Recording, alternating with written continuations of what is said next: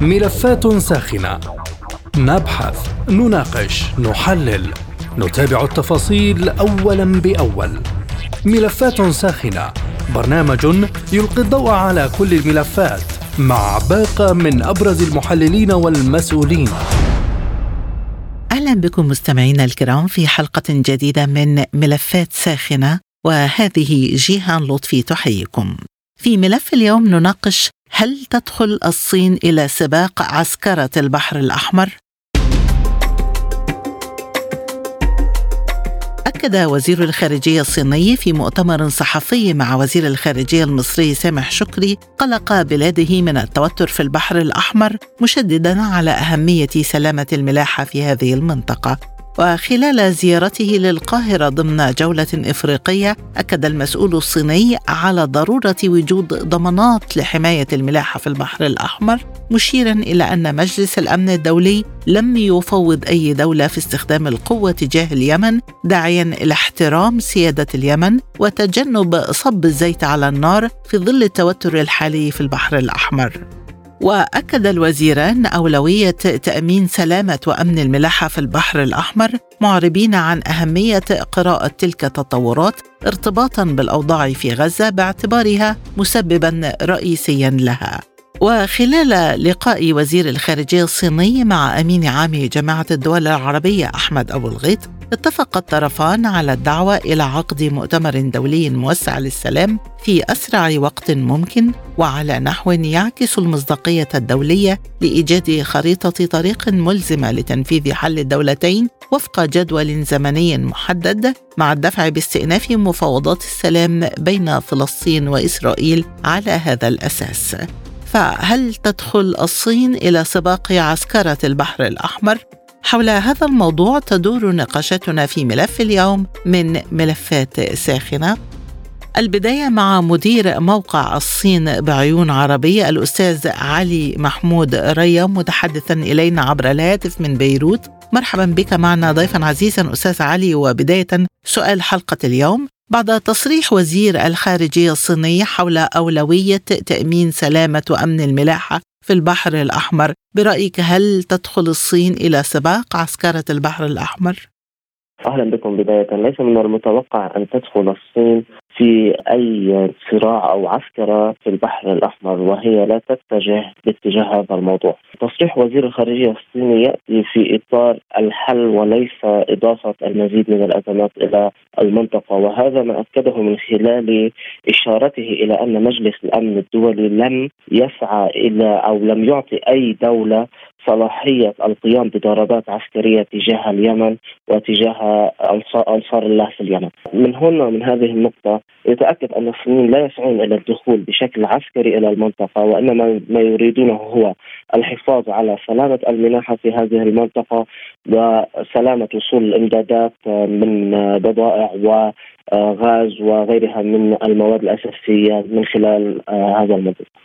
بالحديث عن هذه النقطة سيد علي بيان الصين يقول إن مجلس الأمن لم يمنح لأحد تفويضا بالضربة ويدعو لاحترام سيادة اليمن الآن مع استخدام هذه المصطلحات القانونية في بيان الصين برأيك هل نحن أمام محاولة لإعادة الملف لمجلس الأمن وتلويح بمحاكمات دولية عن خرق القانون الدولي؟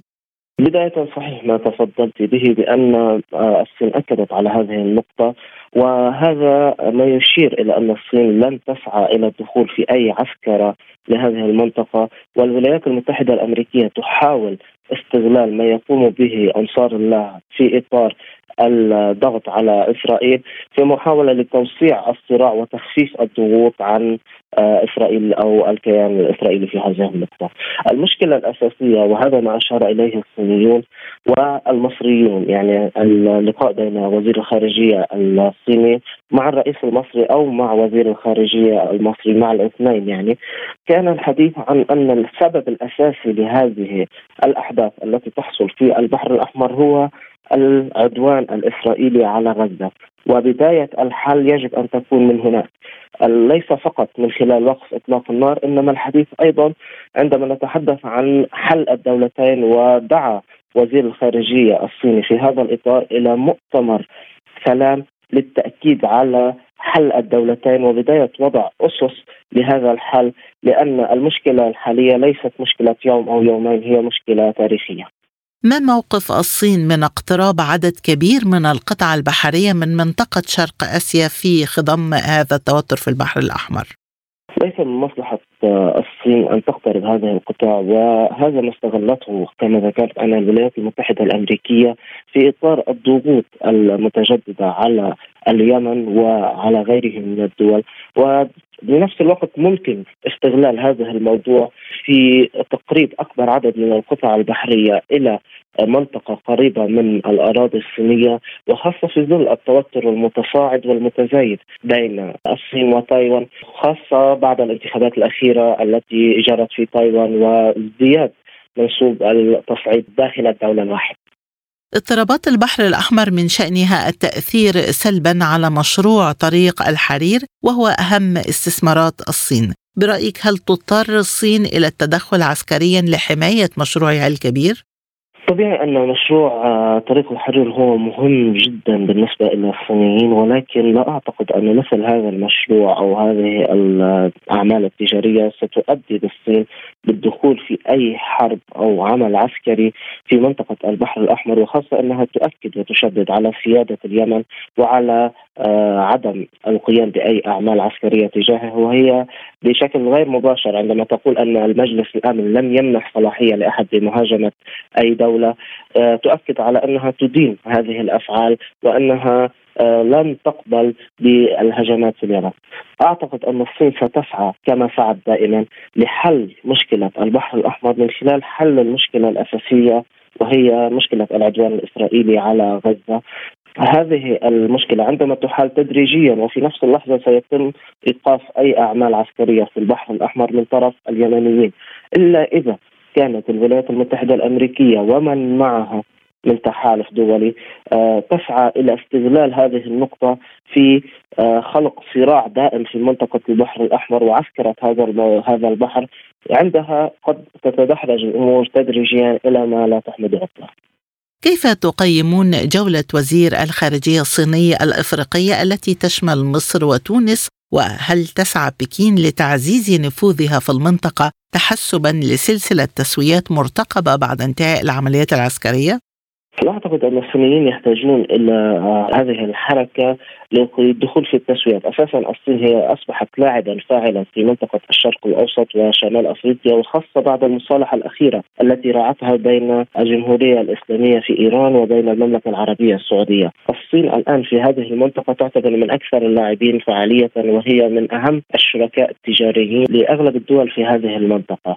هذه الشراكة التجارية تمنح الصين وصولا قويا إلى هذه المنطقة وهي تسعى الآن لتعزيز هذا الحضور لضمان الكسب المشترك بينها وبين الدول العربية بشكل عام وخاصة مصر وتونس المشمولتين في الجولة الأفريقية حاليا وهي تشمل دولا أخرى في أفريقيا. طبيعة التدخلات الصينية في الأزمات تقتصر على السلوك الدبلوماسي ونادرا ما تتطور إلى دعم مادي، لكن الأمور تفاقمت الآن إلى مواجهات عسكرية وسيكون استخدام الأدوات العسكرية لتطبيق السياسات مهما في مرحلة ما. برأيك هل تستبعد الصين هذا الخيار العسكري تماما من الطاولة؟ يعني في المعطيات الحالية الصين تستبعد أي نوع من التدخل العسكري أو التدخل المباشر في مثل هذه الأزمات. قد تستعمل وصولا إلى العقوبات الاقتصادية أو الضغوطات الاقتصادية على الدول التي تخالف مبدأ محاولة السلام وإيجاد حل لهذا الصراع في الشرق الأوسط. ولكن لا أعتقد أن الصينيين يسعون حاليا للدخول بأي قوات عسكرية في هذه المنطقة إن كان في منطقة البحر الأحمر أو إن كان في منطقة آه، فلسطين أو في غيرها من أماكن التوتر والصراع في منطقة الشرق الأوسط ليس من مصلحة الصينيين الدخول في أي نوع من الحروب أو الأعمال العسكرية، فطالما كان الصين يسعى باستعمال أو يستعمل السلوك الدبلوماسي في إيجاد حلول ورأينا أن سلوكه الدبلوماسي أعطاه فرصة كبيرة جدا لحل آه، إحدى أكبر التصعيدات في المنطقة بين الجمهورية الإسلامية في إيران وبين المملكة العربية السعودية وهذا ما لم تفعله آلاف القوات الأمريكية التي كانت مزروعة في هذه المنطقة لم تؤمن للأمريكي أفضلية في هذه المصالحة إذا ما هو الدور الذي يمكن أن تلعبه الصين في المرحلة المقبلة لحلحلة هذه الأزمة؟ وهل يمكن أن تتدخل للضغط على إيران في سبيل تهدئة أو تسوية ما؟ لا أعتقد أن الصين سيسعى للضغط على إيران في آه هذه التسويه، الصين سيسعى لحل الأزمة الأساسية في آه قطاع غزة وهذا ما دعا إليه من خلال مؤتمر السلام لإنشاء حل الدولتين، وأعتقد أنه سيسعى للعب دور الضامن في العملية السياسية بين الفلسطينيين والاحتلال الإسرائيلي سيسعى للعب دور الضامن في هذه العلاقه وخاصة أن الأمريكي والغربي أصبح طرفا في هذه الأزمة ولم يعد يصلح ابدا للعب دور الوسيط أو الضامن في هذا اللقاء.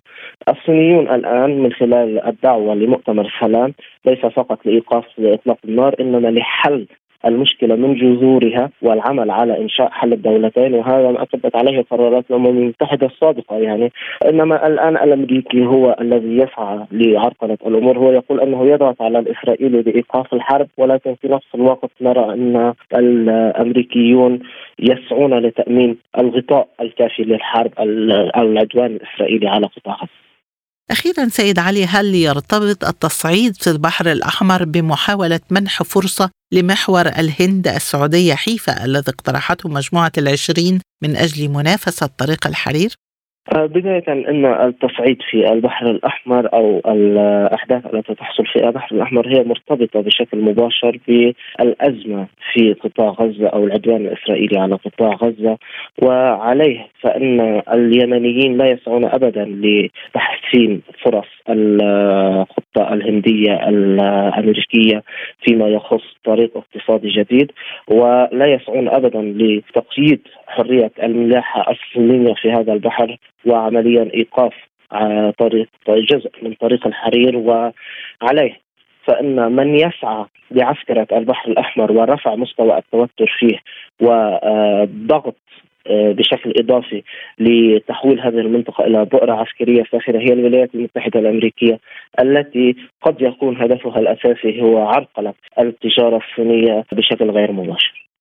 من بيروت مدير موقع الصين بعيون عربية الأستاذ علي محمود ريا شكرا جزيلا لهذه الإيضاحات وحول إمكانية المواجهة بين بكين وواشنطن في خضم تصعيد التوتر في البحر الأحمر معنا عبر الهاتف من نيويورك خبير العلاقات الدولية الدكتور ماك شرقاوي. مرحبا بك معنا ضيفا عزيزا عبر أثير سبوتنيك. دكتور ماك بداية ما دلالة تصريحات الصين بأن أمن البحر الأحمر أولوية والبيان الصيني المصري المشترك حول أولوية تأمين سلامة وأمن الملاحة فيه؟ هو ما فيش شك إن النهارده يعني كان في لقاء مهم بين عبد الفتاح السيسي وبين عضو مجلس الحزب الشيوعي الصيني في مصر وأيضا بصحبة وزير الخارجية الصيني وحضر لقاء وزير الخارجية المصري الوزير سامح شكري. وبعد هذا اللقاء كان هناك لقاء آخر يجمع بين وزيري الخارجية الوزير سامح شكري والوزير الصيني وأطلقوا مبادرة إلى مشروع لمؤتمر للسلام آه، لحلحلة القضية الفلسطينية وإنهاء النزاع. وأيضا تطرق الأمر إلى منطقة باب المندب وحماية الملاحة الدولية في باب المندب.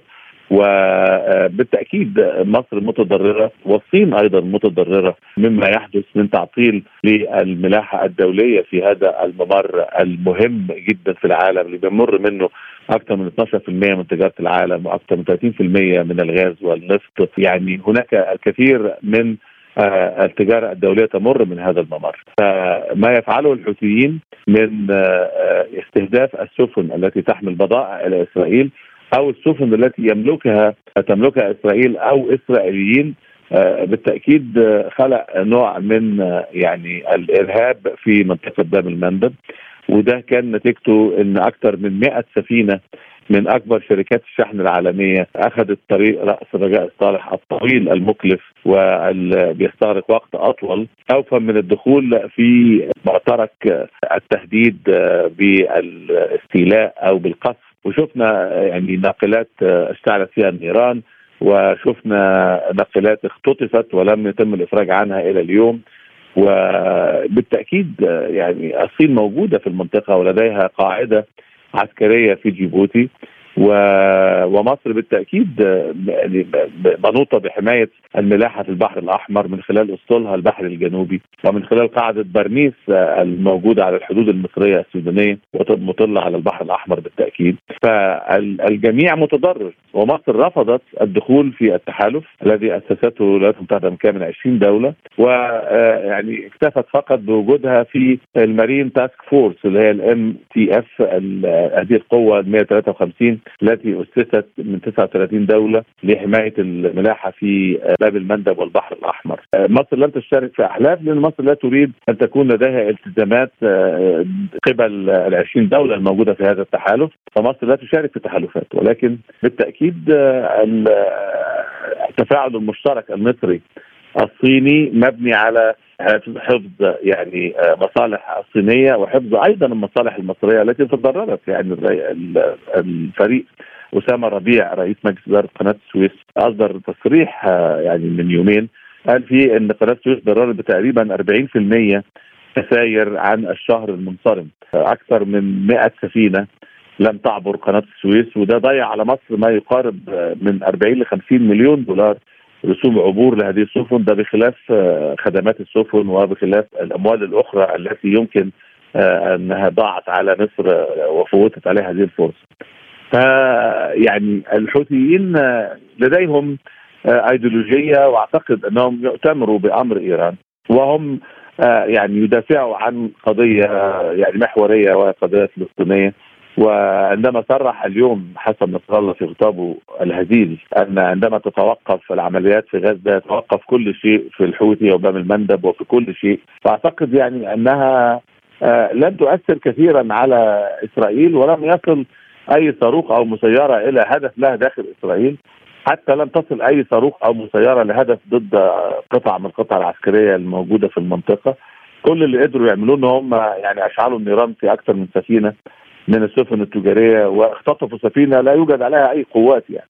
يعني لا توجد عملية عسكرية فذة قام بها الحوثيين يعني من اختطاف السفينة ونزول الطائرة المروحية عليها واختطافها بقوة السلاح ولا يوجد أي مسلحين على السفينة أصلا. فالصين تسعى لمصالحها في المنطقة ومصر بالتأكيد تسعى لمصالحها أيضا في المنطقة. وزير الخارجية الصيني يؤكد ضرورة وجود ضمانات لحماية الملاحة في البحر الأحمر ما نوع هذه الضمانات التي تتحدث عنها الصين ومن الذي يمكن أن يوفر هذه الضمانات؟ هو المفترض أن في قوة اللي هي المارين تاسك فورس ومنوط بها حماية البحر الأحمر ورمي المندب خاصة بعد ما كان استشرى وجود القراصنة من الصومال في فترة بداية الألفين يعني الألفينات يعني في في 2002 و2003 و2004 كانت هناك الكثير من اختطاف السفن من القراصنة من الصوماليين ولكن تم السيطرة على الأمور وتمت الهدوء في هذه المنطقة. النهارده أصبحت الموضوع ايديولوجي وموضوع يعني مؤدلج الحوثيين يتكلموا عن حماية الفلسطينيين ونصرة فلسطين وغزة والامور أصبحت مخالفة فهم يستهدفوا فقط السفن التي تحمل بضائع إسرائيلية أو سوف ترسو في موانئ إسرائيلية أو مملوكة لإسرائيل أو لأفراد إسرائيليين. كان هناك في الأفق إن هيتم التصعيد لإدخال في قائمة المحظورات بالنسبة لهم الدول التي تعاون إسرائيل، طبعا أنا بيستهدف مين؟ بيستهدف الولايات المتحدة الأمريكية وبريطانيا. تو ما تم التفكير في هذا الأمر. كانت الضربة اللي إحنا شفناها التي استهدفت 60 موقع داخل اليمن واستهدف ست محافظات يمنية. واعترف الأمريكان إنهم لم يستطيعوا إن هم يقودوا أكثر من 20 ل 30% من القدرات الموجودة لهذه المجموعات العسكرية الميليشيات الحوثي. فالموضوع هيطول والموضوع برضه مكلف. يعني عندما تستخدمي صاروخ توما هوك ب 4 مليون دولار يعني في هذه العملية. وعندما يتم استهداف المسيرة اللي ثمنها لا يتعدى 15 16 ألف دولار بصاروخ بصاروخ قيمته مليون دولار. فأعتقد إن عملية مكلفة جدا على التحالف. يعني عندما يتم إطلاق عدد كبير من المسيرات شيء مكلف جدا يعني. يعني اطلقوا على 60 مسيرة 150 يعني مقذوف من تخيلي 150 ممكن يصل إلى 150 مليون دولار. فالأمور بالتأكيد آه، لابد من حسمها وحسمها لن يكون ابدا من الجو آه، ولن تدخل الولايات المتحدة الأمريكية أو بريطانيا آه، أي معارك على الأرض. فلابد من المفاوضات ولابد من يعني التواصل مع صاحب الأمر وصاحب الأمر في هذا الموضوع إيران. إيران بدأت يعني تدخل في الصراع وارسلت المدمرة الإيرانية البورس دي مقاتلة بريطانية قديمة آه، لن تكون ابدا يعني ند لأي قطعه بحرية موجودة من أمريكا أو من بريطانيا أو أي من دول التحالف ولكن هي لإرسال رسالة نحن آه، يعني نستطيع أن نقدم العون والمدد ويمكن أن نأتي بأسطول الإيراني لحماية الحوثيين أو آه، الزود عنهم إذا ما كان استهداف إلى القضاء عليهم يعني. فلا يمكن أن تقضي عليهم ولا ولا تريد الولايات المتحدة الأمريكية القضاء عليهم لأنهم لهم دور بيلعبوه في المنطقة ولهم دور في زعزعة الاستقرار وجعل المملكة العربية السعودية والإمارات في حالة تأهب دائم يعني. فهي فزاعة زي فزاعة الإيرانية على الجانب الآخر من الخليج العربي. هذه فزاعة أيضا في منطقة باب المندب أه تحقق مصالح الولايات المتحدة الأمريكية ولكن عندما تصطدم مع مصالحها يمكن أن تقلم الأظافر ولكن لا يتم القضاء عليها. لأنه لا يريد القضاء عليها بالحديث عن هذه النقطة وعن المفاوضات، دخول الصين إلى ساحة اضطرابات البحر الأحمر تزامن مع تجدد الاضطرابات مع واشنطن بعد انتخابات تايوان، وأيضا تزامن مع إنباء عن نقل وقود عسكري بكميات ضخمة إلى قواعد أمريكية في الفلبين، وشكوك حول الاستعداد لحرب أمريكية صينية.